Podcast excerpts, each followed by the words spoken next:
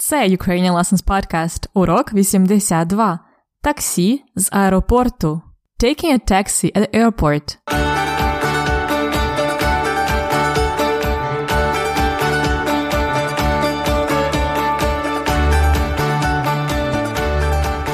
Привіт! Це Анна з новим епізодом подкасту Уроки української. Це другий епізод третього сезону, і сьогодні ви дізнаєтесь нову історію про Христину, героїню нашого сезону номер 3 Пам'ятаєте, що було в першій серії історії про Христину? Крістін або Христина летіла в літаку з Нью-Йорка в Київ. Вона переїжджає в Україну на один рік. Христина народилась в Америці, але її батьки українці. Вони з маличку говорили з нею українською, а ще Христина ходила в суботню школу і читала книжки, тому вона чудово володіє українською мовою. Її мова ідеальна. Тому не хвилюйтесь, Христина говорить абсолютно без акценту. То ви готові послухати, що буде далі з нашою героїнею? Вона прилетіла в аеропорт Бориспіль, і її наступну розмову ви почуєте вже скоро. А зараз маленький вступ ще англійською. This is an episode 82 or episode 2 of the series about Христина in Ukraine. In the previous episode, you learned that Христина, або Kristen, is an American girl who has Ukrainian parents. That's why Христина говорить українською мовою абсолютно без акценту. She speaks Ukrainian absolutely with no accent. So don't worry about that. Не хвилюйтесь. This is good Ukrainian. We know that Христина is moving to Kyiv for one year. And today we are going to find out what happened to her on her way. Вона прилетіла в аеропорт Бориспіль. She arrived in Бориспіль Airport. Are you ready for her next conversation? Почнімо. Let's start. Отже, Христина прилетіла в Київ. Але щоб доїхати до міста з аеропорту, треба взяти таксі. Можна, звичайно, поїхати на автобусі, але у Христини, мабуть, великий багаж, велика валіза, валіза, suitcase. Слухайте її наступну розмову і дайте відповідь на запитання, скільки вона заплатила за таксі? Скільки Христина заплатила paid, за таксі? Слухайте розмову перший раз. Таксі, таксі. Добрий день. Таксі? Добрий. Таксі. Мені треба на вулицю Архипенка. Поїхали. Давайте вашу валізу. Дякую. Куди будемо їхати? Архипенка. Архипенка 15.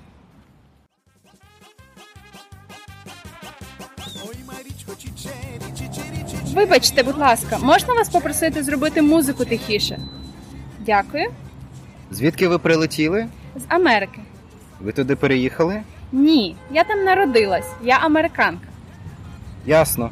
Я би не сказав. Ви дуже добре говорите по-українськи. Дякую. Все, приїхали. Дякую. Скільки з мене? 40 доларів. 40 доларів? Це щось забагато. Та, та ну що ви, такі зараз ціни. Навіть в Америці дешевше. А, а тут аеропорт далеко, ми їхали майже годину. У мене є 35. 35 це все, що я маю. Ну добре. Thank you. Подайте мою валізу, будь ласка. Дякую. До побачення. То скільки Христина заплатила за таксі? Дуже багато. Таксист хотів взяти з неї 40 доларів, але у неї було тільки 35, тому вона заплатила за таксі 35 доларів. Це дуже дорого для України. Чому Христина зробила цю помилку? Як ви думаєте? Ми поговоримо про це пізніше в культурному факті. А зараз поговоримо про інше. Які фрази корисно знати, якщо ви хочете взяти таксі? Просто підходьте до таксиста і питайте таксі, питайте в таксиста. Повторіть таксі. Тоді ви можете сказати свою адресу, куди вам треба їхати. Мені треба на вулицю. Мені треба на вулицю Архипенка. Або мені треба в готель Дніпро. Далі. Часто в Україні таксисти люблять голосно слухати музику. Ви чули в діалозі. Так само, як Христина, ви можете сказати: Вибачте, будь ласка, можна вас попросити зробити музику тихіше? Вибачте, будь ласка, можна вас попросити Can I ask you? Зробити музику тихіше. To put the music down. Тихіше, more quiet. Вибачте, будь ласка, можна вас попросити зробити музику тихіше. Ви можете також попросити щось інше, наприклад, вибачте, будь ласка, можна вас попросити зупинитися тут. To stop here. Вибачте, будь ласка, можна вас попросити зупинитися тут. Це корисна фраза. І наприкінці ви можете спитати про те, скільки вам треба заплатити. Ви говорите, скільки з мене? Скільки з мене? Literally, how much is it from me? How much do I owe you? Скільки з мене? It's a very common expression. When we use a service or buy some things, we could say скільки з мене? The answer could be similar. З вас 40 доларів. З вас. From you. Добре. Тепер ви можете легко брати таксі в Україні. А тепер послухайте, будь ласка, маленьку частинку діалогу. Таксі, таксі. Добрий день. Таксі? Добрий. Таксі. Мені треба на вулицю Архипенка. Поїхали. Давайте вашу валізу. Дякую. Таксист е, сказав Поїхали. Це дієслово поїхати. Поїхали is actually past tense, but he uses it as imperative. This is a common way to make imperative. Uh, however, it's not really very correct. It is kind of surjik, but we use this all the time. We use past tense if we want to say imperative. So поїхали is they went by transportation or let's go by transportation. Поїхали. Поїхати has a prefix по, on which we will focus today. Po is a very easy prefix, as it is usually just makes the verb perfective, bringing the general meaning of perfection, the result, like uh, снідати, поснідати. Я снідаю. Я вже поснідала. I already had breakfast. Result. Я думаю. I'm thinking. Я подумала і вирішила. I thought about this and I decided. Думати, подумати. However, when there is some movement involved, по means the result but also the beginning of movement. Поїхали is an example of this. Also, вона побігла в парк. She ran to the park, so she started the movement. Sometimes po can be also used with uh, imperfective verbs in the meaning of repetitive action. For example, я люблю побігати на стадіоні. So in this case, побігати is not побігти. Побігти it's a perfective from бігти. That's it. The result, the beginning of action. А побігати it is бігати, so it is imperfective. Побігати. Я люблю побігати на стадіоні means I like to run sometimes, to have some runs from time to time at the stadium. So it's a repetitive action in the imperfective. Я люблю побігати на стадіоні. Добре. At last, по is also a typical prefix that we use with the adverbs, and we spell those adverbs with a hyphen. Listen to one more part of the dialogue to catch a word like that. Звідки ви прилетіли? З Америки. Ви туди переїхали? Ні, я там народилась. Я американка. Ясно. Я би не сказав. Ви дуже добре говорите по-українськи. Дякую. Я б і не сказав, he says, I wouldn't say. Ви дуже добре говорите по-українськи. По-українськи говорити по-українськи is the same as говорити українською. So, uh, по-українськи is in Ukrainian or in Ukrainian way it could be. For example, борщ по-українськи. Борщ in Ukrainian way. Так. Uh, so, по in this case means an instrument or way of doing, only used with adverbs like зробити по-нашому, to do it in our way. Зробити по-моєму, to do it in my way. Це було по. А зараз послухайте ще раз маленьку частинку. Звідки ви прилетіли? З Америки. Звідки ви прилетіли? Прилетіти has another common prefix при. При is uh, used also mostly with the perfective verbs, and usually it means movement to the destination or to the goal. For example, звідки ви прилетіли? Вона прилетіла to the destination to Kyiv. Прилетіти. Або приїхати додому. To come home by transportation. Прийти додому. To come home by walking. При movement to the destination or goal. Another meaning is adding, attaching something. For example, приєднатися до партії. To join a party. Приєднатися до партії. One more use is a short or not full action. For example, приміряти сукню. Remember from the episodes about shopping, we, we had приміряти, to try on. Приміряти сукню. This verb has prefix при because uh, it's uh, trying on the dress for just a short time. It's a short action. Also, при could mean an action that leads to owing something. For example, придбати. Придбати is the same as купляти. Придбати книгу, to buy a book. It's like purchase a book. Придбати. And at last, uh, при can be used also with imperfective verbs, meaning deepening into action with the verbs of senses. For example, придивлятися. So it's from the verb дивитися, але придивлятися would mean uh, to look close at something, to, to have a closer look at something, придивлятися. And the same прислухатися from the verb слухати, to hear. Придивлятися, прислухатися. They are imperfective and could be perfective. Придивитися, прислухатися. Добре. А зараз uh, listen to another part of the dialogue with при. Just uh, find this verb with при. Все, приїхали. Дякую. Скільки з мене? 40 доларів. 40 доларів? Це щось забагато. Все, приїхали. Приїхали. We arrived to the destination. It's при meaning movement to the destination. And I have a question for you. What would it mean if I said все? Поїхали. Not приїхали, but поїхали. Все. Поїхали. Take a guess. Все.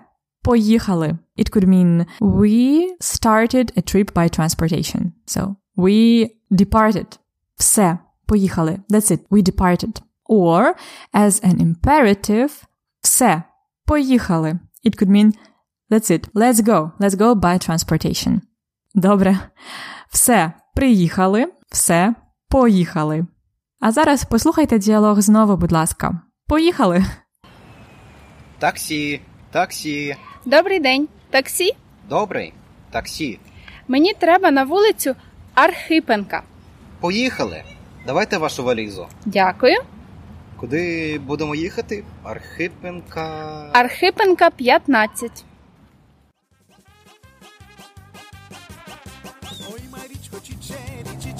Вибачте, будь ласка, можна вас попросити зробити музику тихіше?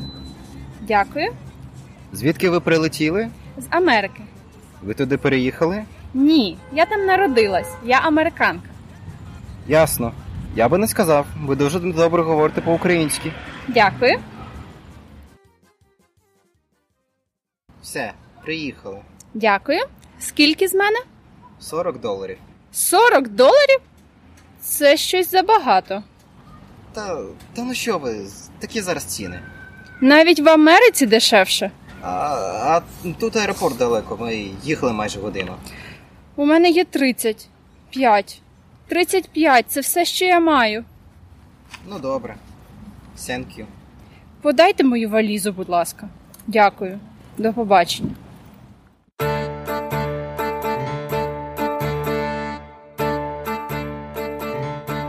Дієслово дня. Про сьогоднішнє дієслово дня ми вже багато говорили у доконаному виді. Ми говорили поїхати, приїхати, переїхати. А дієслово їхати це наше дієслово дня. Дієслово їхати означає to go move somewhere in a certain direction using transportation. Наприклад, я їду додому. I'm on my way home. I'm going home using transportation. But also їхати can mean to depart, to leave. Завтра я вже їду. Tomorrow I I am leaving. I leave tomorrow. And I am leaving by transportation, don't forget. Я їду. Ти їдеш. Він їде. Ми їдемо. Ви їдете. Вони їдуть. Яка це дієвідміна? Це перша дієвідміна. У теперішньому часі немає х, а у минулому є. Я їду д, але у минулому я їхала. Він їхав. Ми поїхали. І, звичайно, не забувайте, don't forget about a different verb їздити. Їздити to go by transportation, but regularly. To go and come back. Туди-сюди. Я часто їжджу до батьків. Їздити. Я часто їжджу до батьків. I often go to my parents. Я зараз їду до батьків. Їду їхати. I go to my parents now. In one direction. А куди ви часто їздите? Куди ви їдете у вересні? Practice your Ukrainian verb of the day.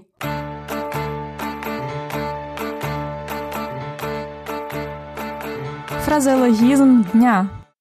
Сьогодні Христина мала не дуже приємну історію.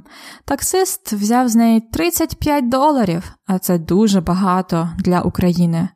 Можна сказати, що той таксист пошив її в дурні. Так, пошити в дурні literally means to make or to sew, пошити, шити, to make into fools. To make a fool of, to fool someone. Таксист пошив Христину в дурні. Взяв з неї 35 доларів. Він пошив її в дурні. Пошити в дурні plus accusative – знахідний відмінок. Another variation of this idiom is reflexive – пошитися в дурні. To make a fool of yourself, to be fooled. For example, я запросив її на побачення, а вона відмовила. Тільки пошився в дурні. I asked her out, and she said no, only made a fool of myself. Пошився в дурні. Пошилася в дурні. Сподіваюся, що вас ніхто і ніколи не пошиє в дурні.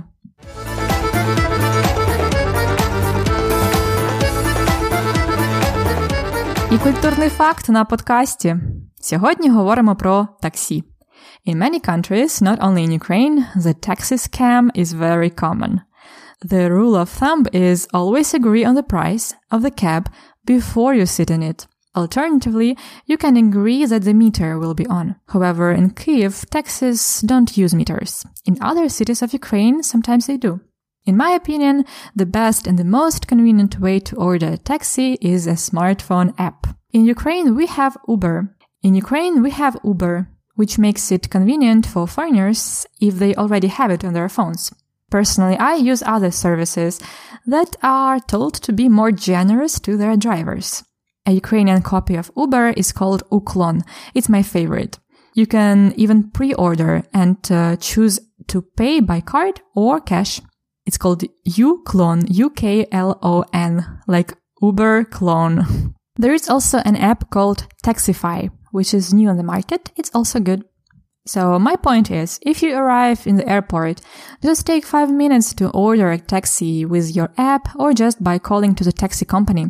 It will cost you around 11, 12 dollars in local currency or maybe 15 if you choose more comfort. And don't worry, other than that, there are not so many scams in Ukraine. Ласкаво просимо до України!